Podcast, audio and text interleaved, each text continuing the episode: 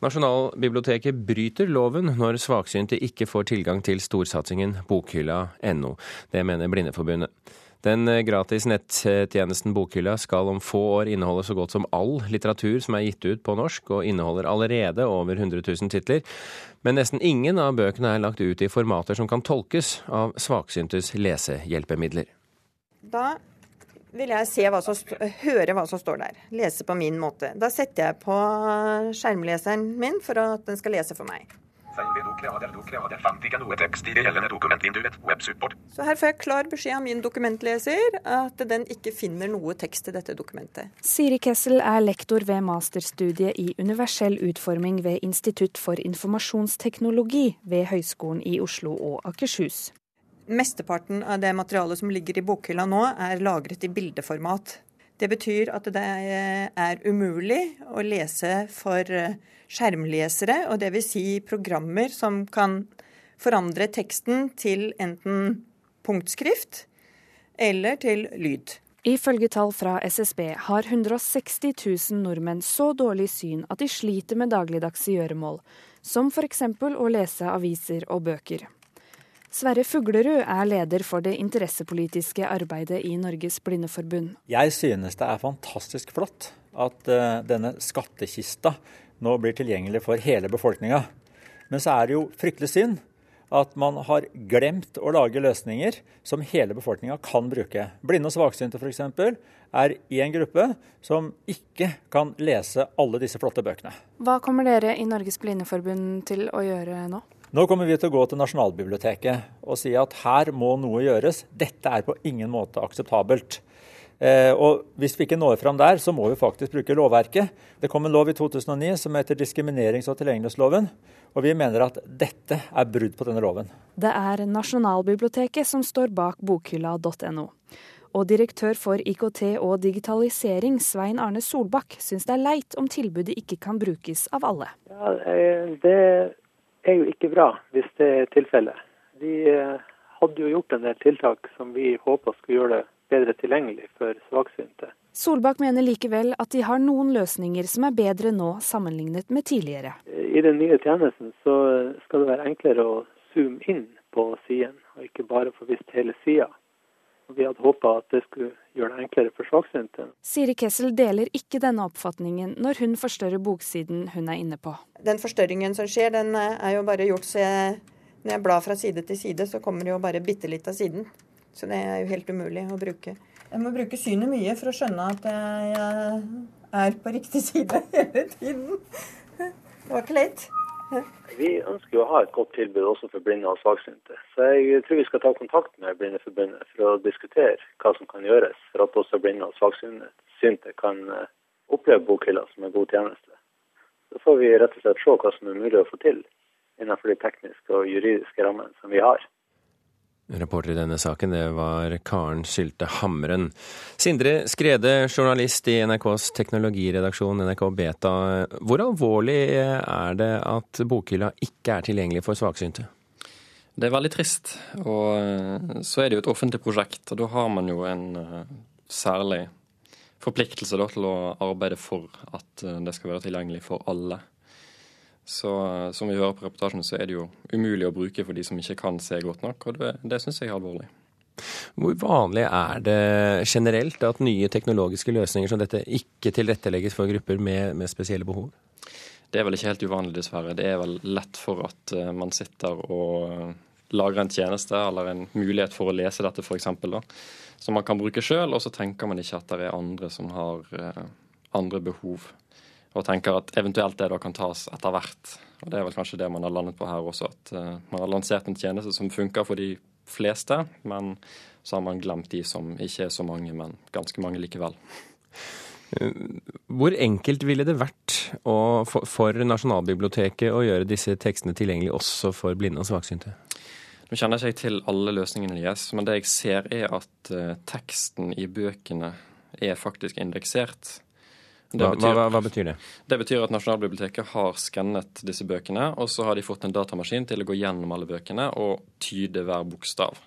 Sånn at Nasjonalbiblioteket kan egentlig, så vidt jeg ser, legge ut dette som ren tekst. Altså istedenfor at bøkene er bilder, som vi hørte i reportasjen, så kan de legges ut som tekst, som gjerne vil gjøre det lettere for eh, disse hjelpemidlene å lese opp teksten eller gjøre den om til blindeskrift. Men, men, dette er jo bøker som er skannet, som, ligger, eh, som er altså produsert og skrevet altså helt frem til år 2000 omtrent. Kan det ligge eh, andre problemer her, sånn rettighetsproblemer f.eks., i bånn? Ja, eh, de har jo en avtale med Kopinor for å få lov til å legge ut disse bøkene. Og nøyaktig hva den avtalen er, det kjenner ikke jeg til. Men det er mulig at det er noe der at man rett og slett har rettighetsproblemer.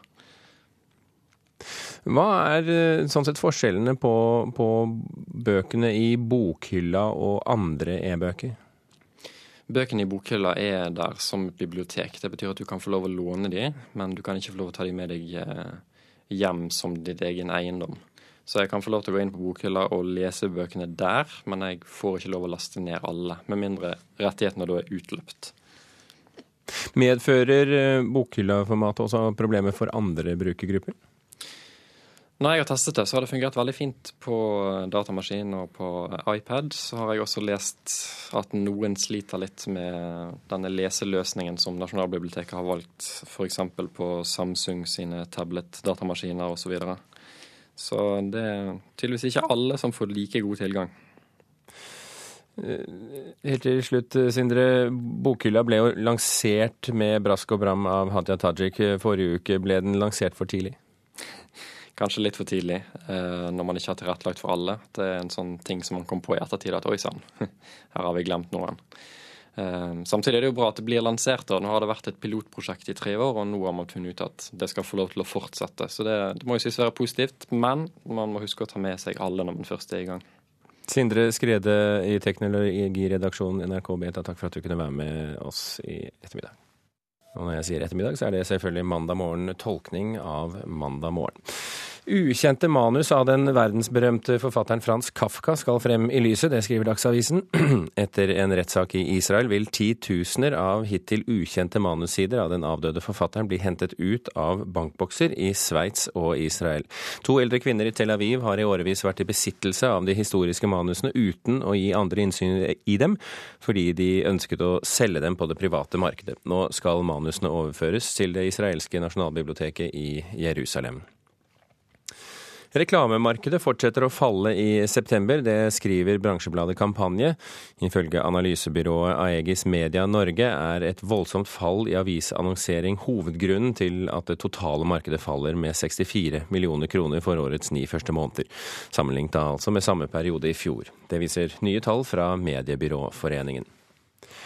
Og Oslo Middelalderfestival er teknisk konkurs etter flere år med underskudd. Den private stiftelsen kritiseres også for økonomisk rot.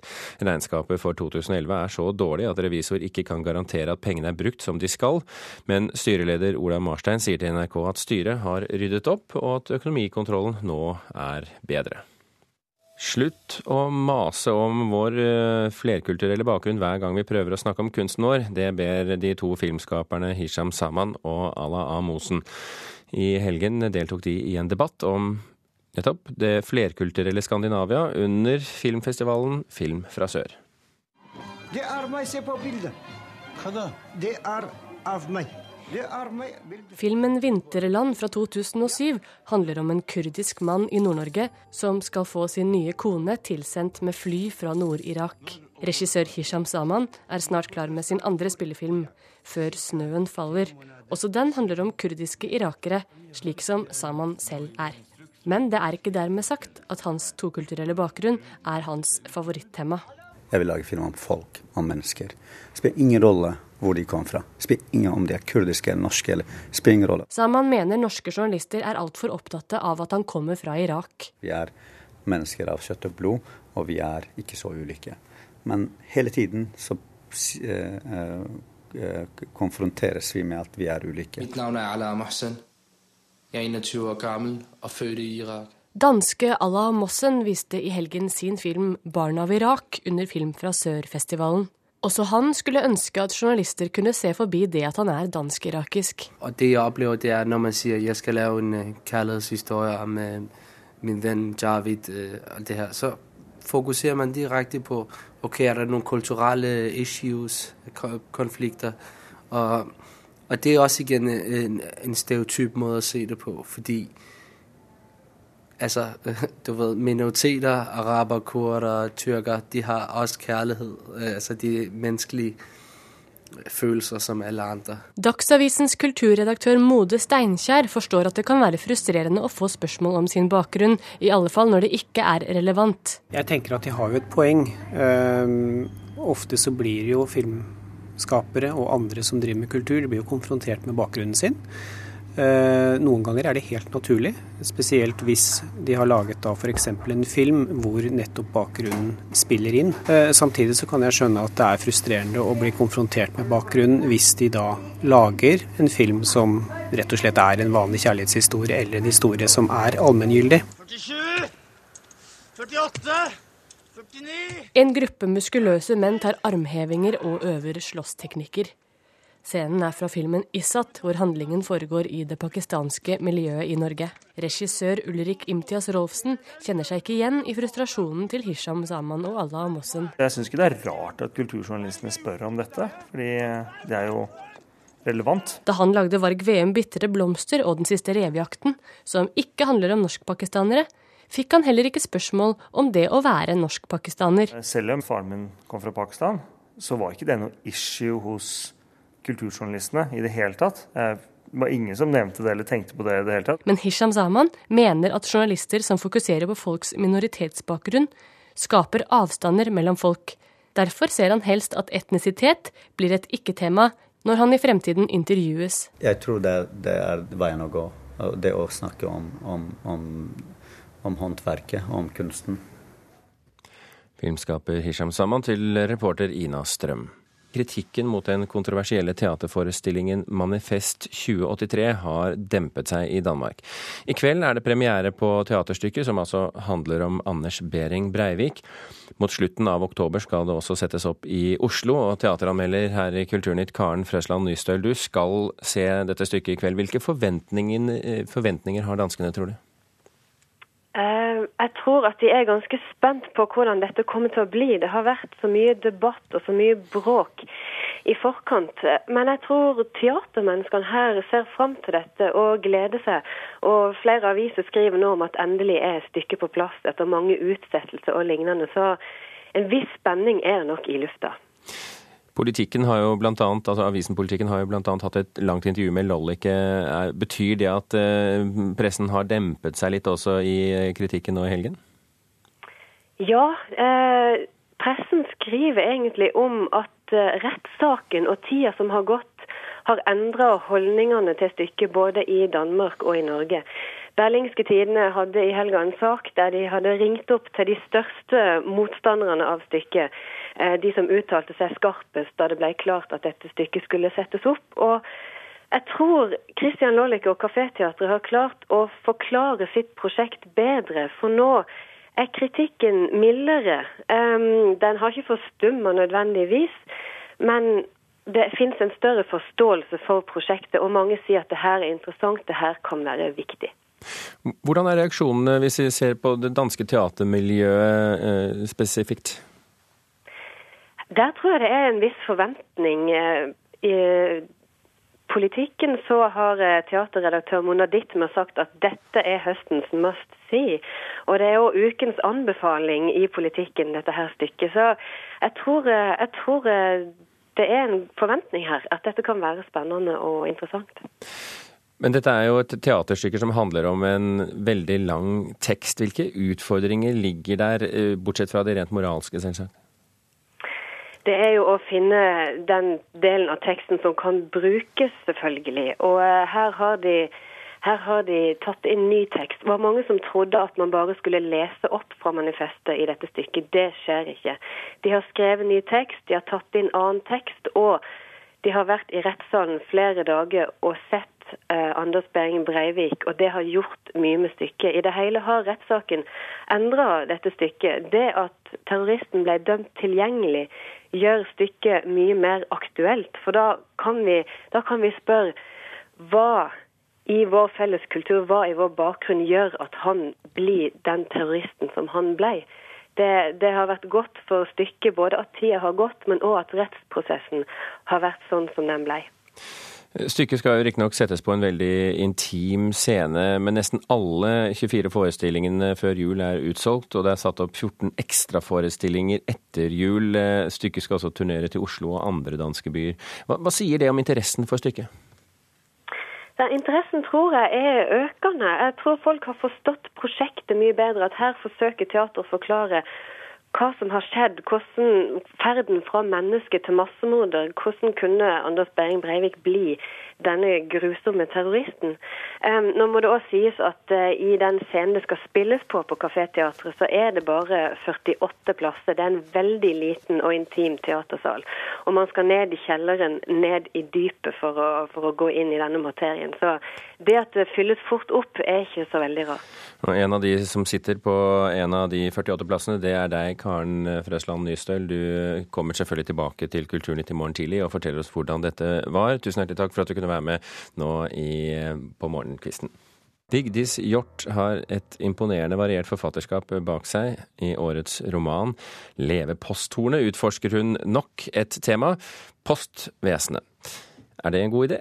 Vår kritiker har gått litt nølende til verket. Jeg sier det som det er.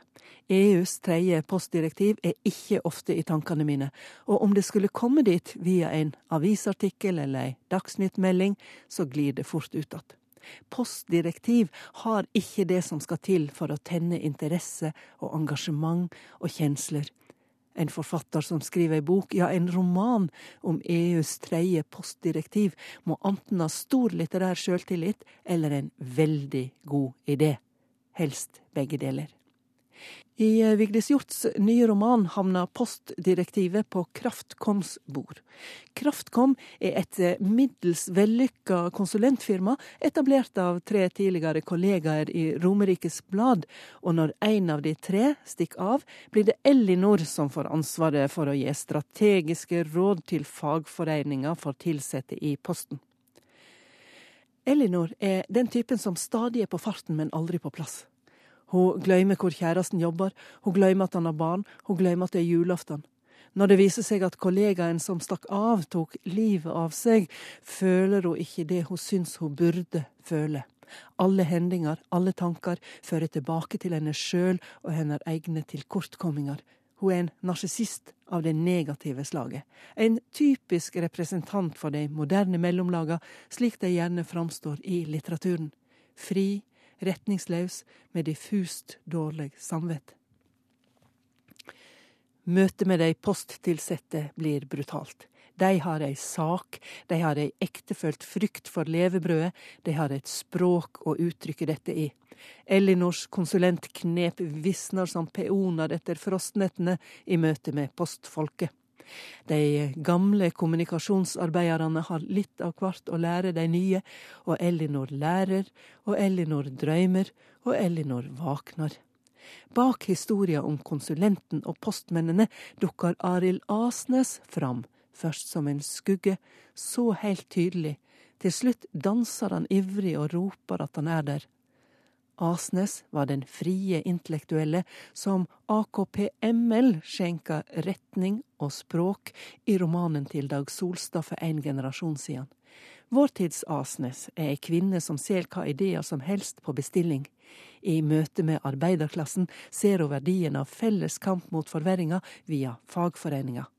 Og hun får et språk Leseren lærer at EUs postdirektiv er nok et døme på ei utvikling det er grunn til å stille spørsmål ved.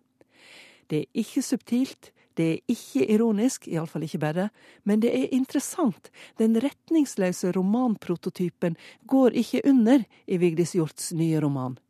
Hvor veien går herifra for Elinor, vil jeg gjerne vite. Har hun et liv etter postdirektivet? Det sa vår kritiker Marta Norheim om Vigdis Hjorts nyeste roman 'Leve posthornet'.